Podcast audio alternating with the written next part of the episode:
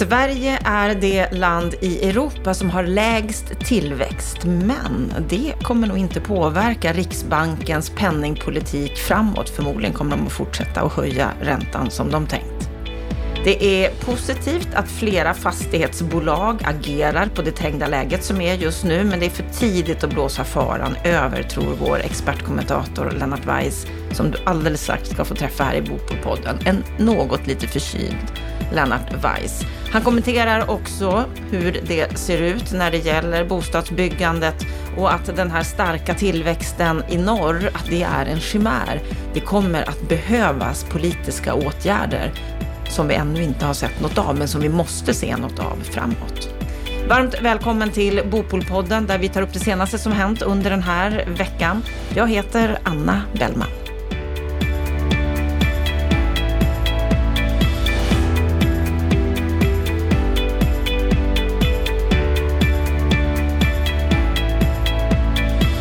Och vi börjar denna vecka med att EU-kommissionen har kommit med en prognos som visar att Sverige ligger längst ner på tillväxtlistan i hela EU. Sverige är alltså det enda landet där man tror på negativ tillväxt under 2023, minus 0,8 procent.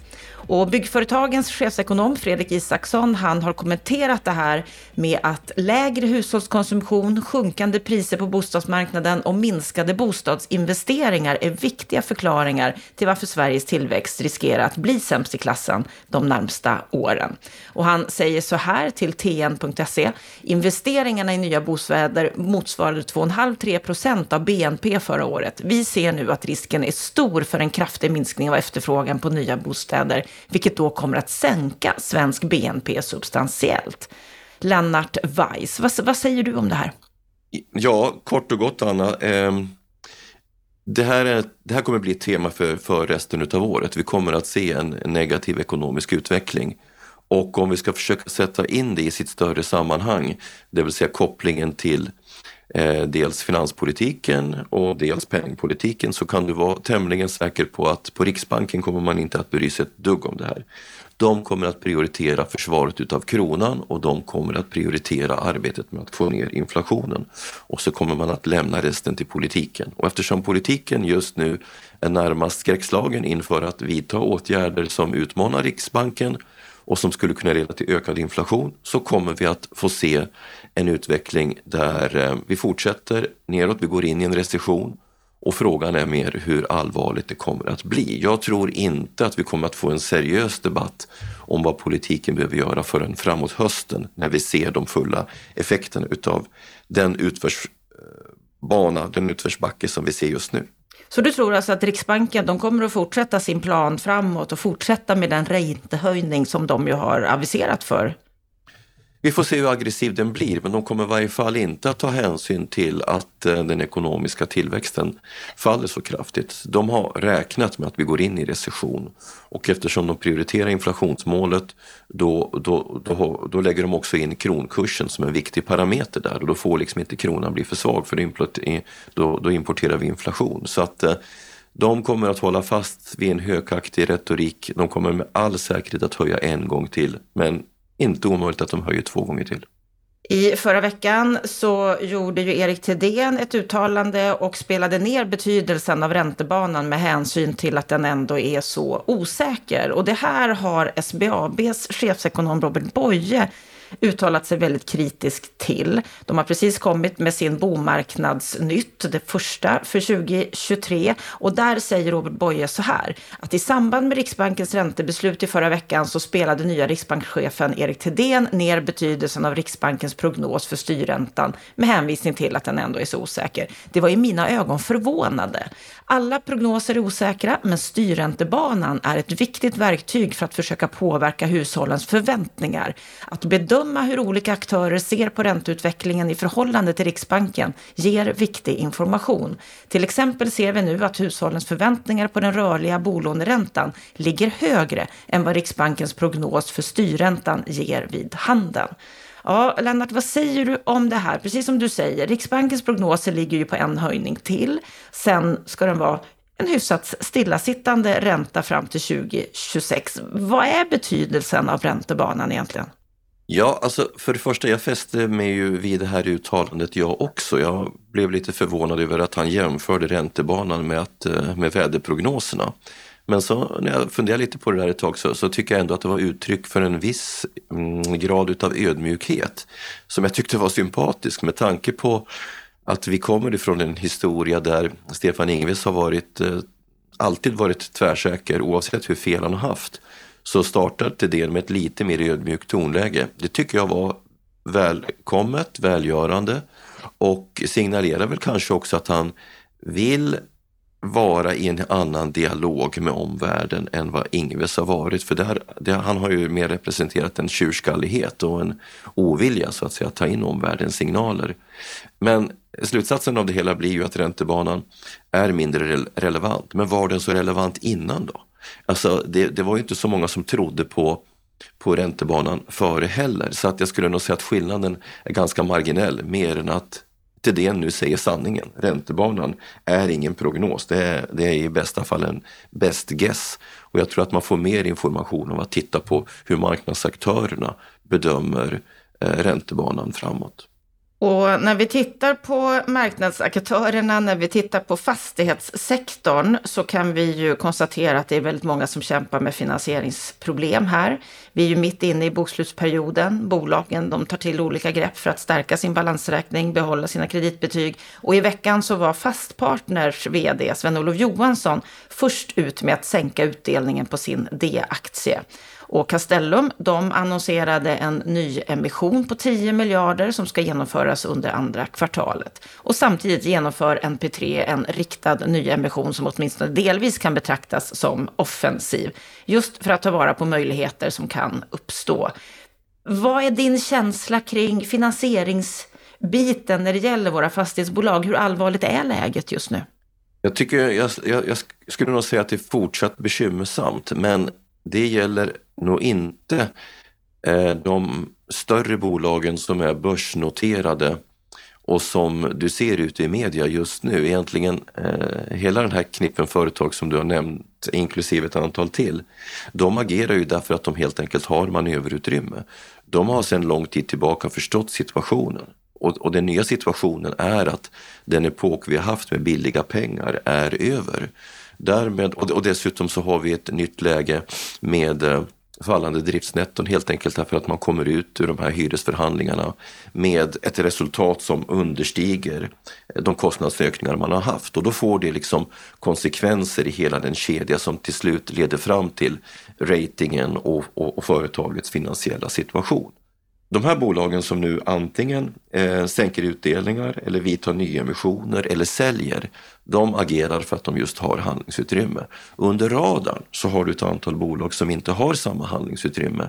De är inte systemviktiga, de har inte bra bankrelationer, de har varit för högt belånade. Där är jag mer orolig. Men det betyder ju också att karaktären utav den eventuella krisen inom fastighetssektorn nu ser lite bättre ut än den gjorde för några månader sedan. De systemviktiga företagen, de agerar och det är en bra information för marknaden i stort. Mindre aktörer kommer sannolikt att få väldigt stora bekymmer därför att bankerna är inte intresserade av att ta hand om deras eh, eh problembild. De är inte beredda att ge gynnsamma krediter. Så att eh, som helhet utifrån ett, utifrån ett systemperspektiv så är det här positivt. Läget är något mindre allvarligt. Men, men det, det, i det långa perspektivet så avgörs ju det här av hur länge som inflationen ligger på de här höga nivåerna och som vi har utsikter om stigande räntor och ett högt ränteläge. Det är först när vi ser att de här två kurvorna viker som vi kommer att eh, också kunna blåsa faran över.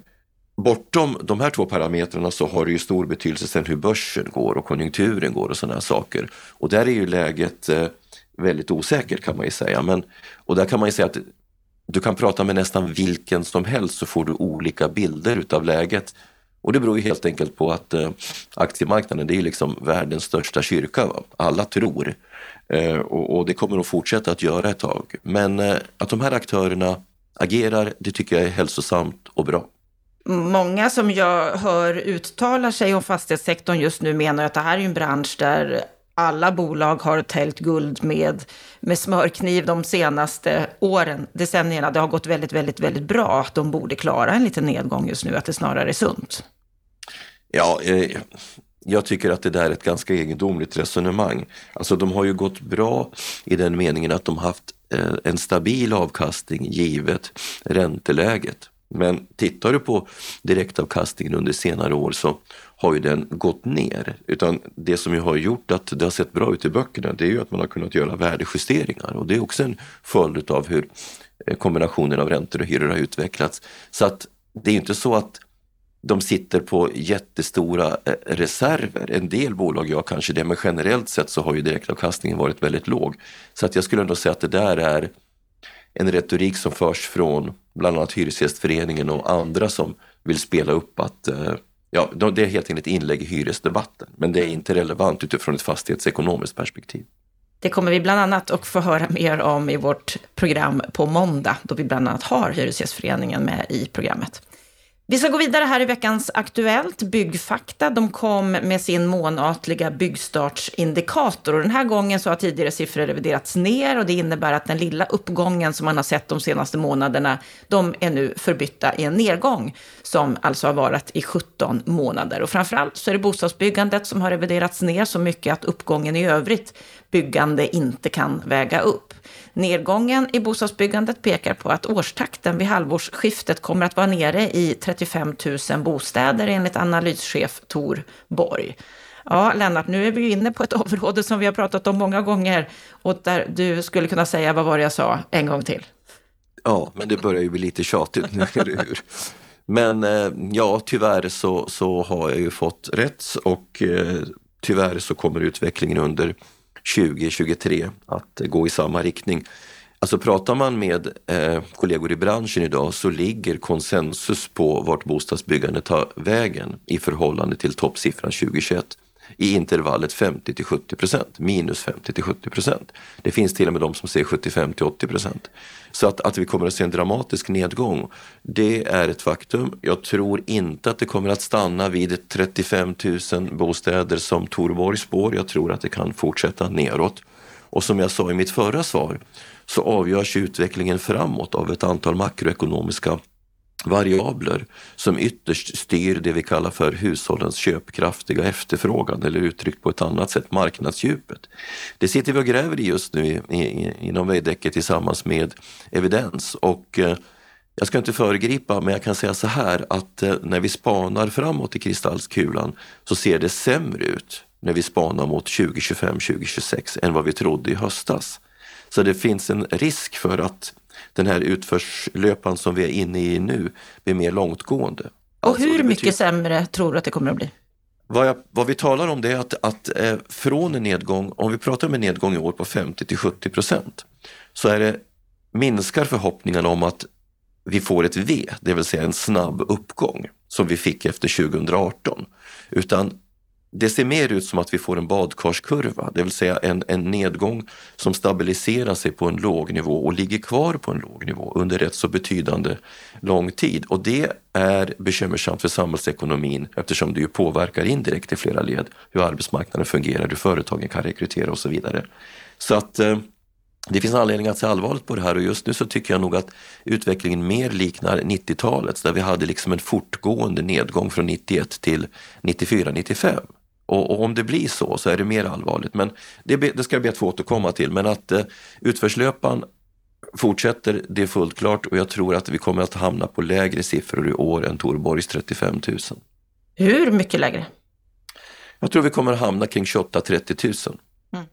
Det är väldigt mycket mindre än vad som behöver byggas. Och här kan vi konstatera att vi har ju länge sagt att ah, men det finns ju delar av landet där det går bra. Vi tittar på Norrland, vi tittar på Skellefteå och så tänker vi att ah, det finns ljus i mörkret i alla fall. Men nu kommer det också dystra signaler därifrån. Projekt som stoppas, som pausas. Byggbolaget Kontraktors vd Fredrik Johansson, han säger till byggindustrin att mediebilden av extrem tillväxt i Skellefteå är inte sann. Även här skjuter man projekt på framtiden. Och samtidigt så konstateras att behov av nya bostäder för att förverkliga alla de här industrisatsningarna i norr är ju enorm. Karina Sammeli som är kommunstyrelsens ordförande i Luleå, hon konstaterar att fortsätter det så här så är risken stor att vi tappar fart. Det låter som att det är riktigt illa även norrut. Jag är inte förvånad och det sitter ihop med det vi pratade om alldeles nyss, den allmänna utvecklingen. Vi har alltså en fundamental obalans mellan produktionskostnader och, och marknadsefterfrågan. Du kan fortfarande köpa bostäder på andrahandsmarknaden till lägre pris men det gör ju inte att volymerna ökar. Så att vill vi ha en så att säga, nyindustrialisering uppe i norr då måste vi också få en nyinflyttning uppe i norr. Och, och, då behöver villkoren för branschen förändras. Det, det är fråga om politik och marknadsvillkor i stort. Men det är också en fråga om att planera för rätt typ av bostäder. Alltså det kommer att vara tämligen bottenfruset nu under 2023, 2024. Det kan vi liksom inte prata bort. Vad kommunerna kan göra i det här läget är att använda det här rådrummet, handlingsutrymmet till att planera för attraktiva boendemiljöer. Och jag såg till exempel Boden som var ute och, och marknadsförde sin kommun med, med väldigt positiva attribut. Det är precis så man ska göra. Och man, ska, man ska förlänga det med att skapa boendemiljöer som gör att du får tillgång till det som är så attraktivt uppe i norr. Alltså naturen, möjligheten att åka skidor på vårvintern, närheten till jakt och fiske och allt det där. Va? Det är det du ska planera för och inte hyreshuslängor. Och väl det antingen via politiska åtgärder eller marknadsförändringar sker en uppgång, då, ska man, då, då är man redo för det så att säga. Så att, jag, jag upprepar det Attefall brukar säga, nu ska man jobba med planberedskapen och se till att man är redo när det vänder. Men jag tror, Anna, att det kommer att krävas politiska åtgärder för att stötta nyindustrialiseringen upp i norr. Jag tror, alltså just nu är regeringen tämligen förlamad utav situationen och, och, och, och även det vi pratade om tidigt här, nämligen fokuset på att få ner eh, inflationen så att säga. Va? Då vill man inte vidta stimulansåtgärder. Men framåt så kommer det att krävas det. Och jag tror att och regeringen kommer att behöva tänka nytt. De vill ju inte återinföra investeringsbidrag. Vad detta nya är, det får vi nog ägna en annan podd åt. Men jag tror att det kommer att krävas ett ganska radikalt politiskt omtänkande. Mm, och det är många som håller med dig om det. Stora reformer är vad som behövs just nu. Och vi ska avsluta veckans Aktuellt med just politik. Det fanns ju ett förslag tidigare om fri hyressättning i nyproduktion som ju ledde till att en av Löfven-regeringarna fick avgå efter att Sverigedemokraterna och Moderaterna gjorde gemensam sak med Vänsterpartiet för att fälla. Det här känner vi ju igen. Nu går bostadspolitiska talespersoner för Centerpartiet, Alireza Alkondi, ut i Altinget och menar att han vill få fart på den här det här förslaget igen om fri hyressättning i nyproduktion. Varför tror du att Akondi gör det här utspelet just nu? Ja, för alltså han, han, jag förstår eh, ut, att utspelet kommer utifrån ett sakpolitiskt perspektiv på många sätt, men jag tror att det här mer handlar om eh, profilering inom partiet och det är inget negativt med det. Alltså, jag tycker att Alireza Akhondi är en mycket intressant politiker och eh, skulle, nu ska jag ge mig ut och spekulera lite, men skulle det visar sig att murren, alltså Demirok, inte blir särskilt lyckad och det uppstår en ny partiledarkris inom Centern så tror jag att Akondi kommer att eh, kommer bli en, en möjlig kandidat för en efterträdare. Så att det kan också handla om politisk positionering. Men vad tror jag om sakfrågan? Nej, det tror jag inte alls på. Därför att dels har du SD som eh, kategoriskt sätter klackarna i marken. Sen ska du komma ihåg att PM Nilsson, eh, innan han eh, så att säga lämnade som statssekreterare ersatte han Ulf Kristersson på ett seminarium på Handelskammaren i Stockholm där han fick en fråga om, på det här temat och då sa han att regeringen, förra regeringen brände sig rejält på, på spisen i den här frågan. Den nuvarande regeringen vill definitivt inte göra om samma misstag och jag tror att man ska sätta in den här frågan i NATO-perspektivet. När Ulf Kristersson väl har lyckats föra Sverige in i NATO, då kommer han vara så utmattad att han definitivt inte är sugen på en ny stor uppslitande process, den här gången utav inrikespolitisk karaktär. Så att att Kristersson skulle vilja öppna den här dörren, nej det tror jag verkligen inte på. För han vill inte bli ovän med Hyresgästföreningen inför nästa val där hans läge redan är väldigt kritiskt och utsatt. Ja, vi får se hur det går. Det är väl inte så sannolikt att det är övriga partier, högerpartier, som jobbar för det här förslaget, eller vad tror du? Nej, utan jag tror att det mer kommer att handla om förändrade strategiska dispositioner inom fastighetssektorn och det ska vi som sagt prata om igen på måndag när vi pratar om hyresförhandlingarna. Precis. På måndag då ska vi prata om de hyresförhandlingar som ju är i full gång. För första gången så testas ju den nya trepartsöverenskommelsen som vi har pratat en del om här i Bopolpodden. Men hur går det egentligen med den här överenskommelsen? Hur går det med hyresförhandlingarna i den märkliga tid som är just nu. För att ta reda på det så kommer vi att samtala med Erik Elmgren på Hyresgästföreningen och Anders Holmestig på Fastighetsägarna. Det här har varit den tuffaste förhandlingsomgången någonsin. Så är det. Eh, och i ett väldigt speciellt läge, både för hyresvärdar och för hyresgäster. Och det här har tagit på krafterna, har det gjort. Men jag tycker ändå, med hur det har utvecklats de senaste veckorna, att förhandlingssystemet ändå har mött den här utmaningen och visat att det återigen klarar sådana här extrema påfrestningar som det har varit. Ja, där hörde du Erik Elmgren berätta att det är extra tufft vid förhandlingsbordet just nu. Hela samtalet det hör du i vårt program på måndag. Stort tack för veckans Aktuellt, din analys, Lennart Weiss. Stort tack till dig som lyssnar på Bopolpodden. Gå gärna in på bostadspolitik.se och ha en riktigt skön helg.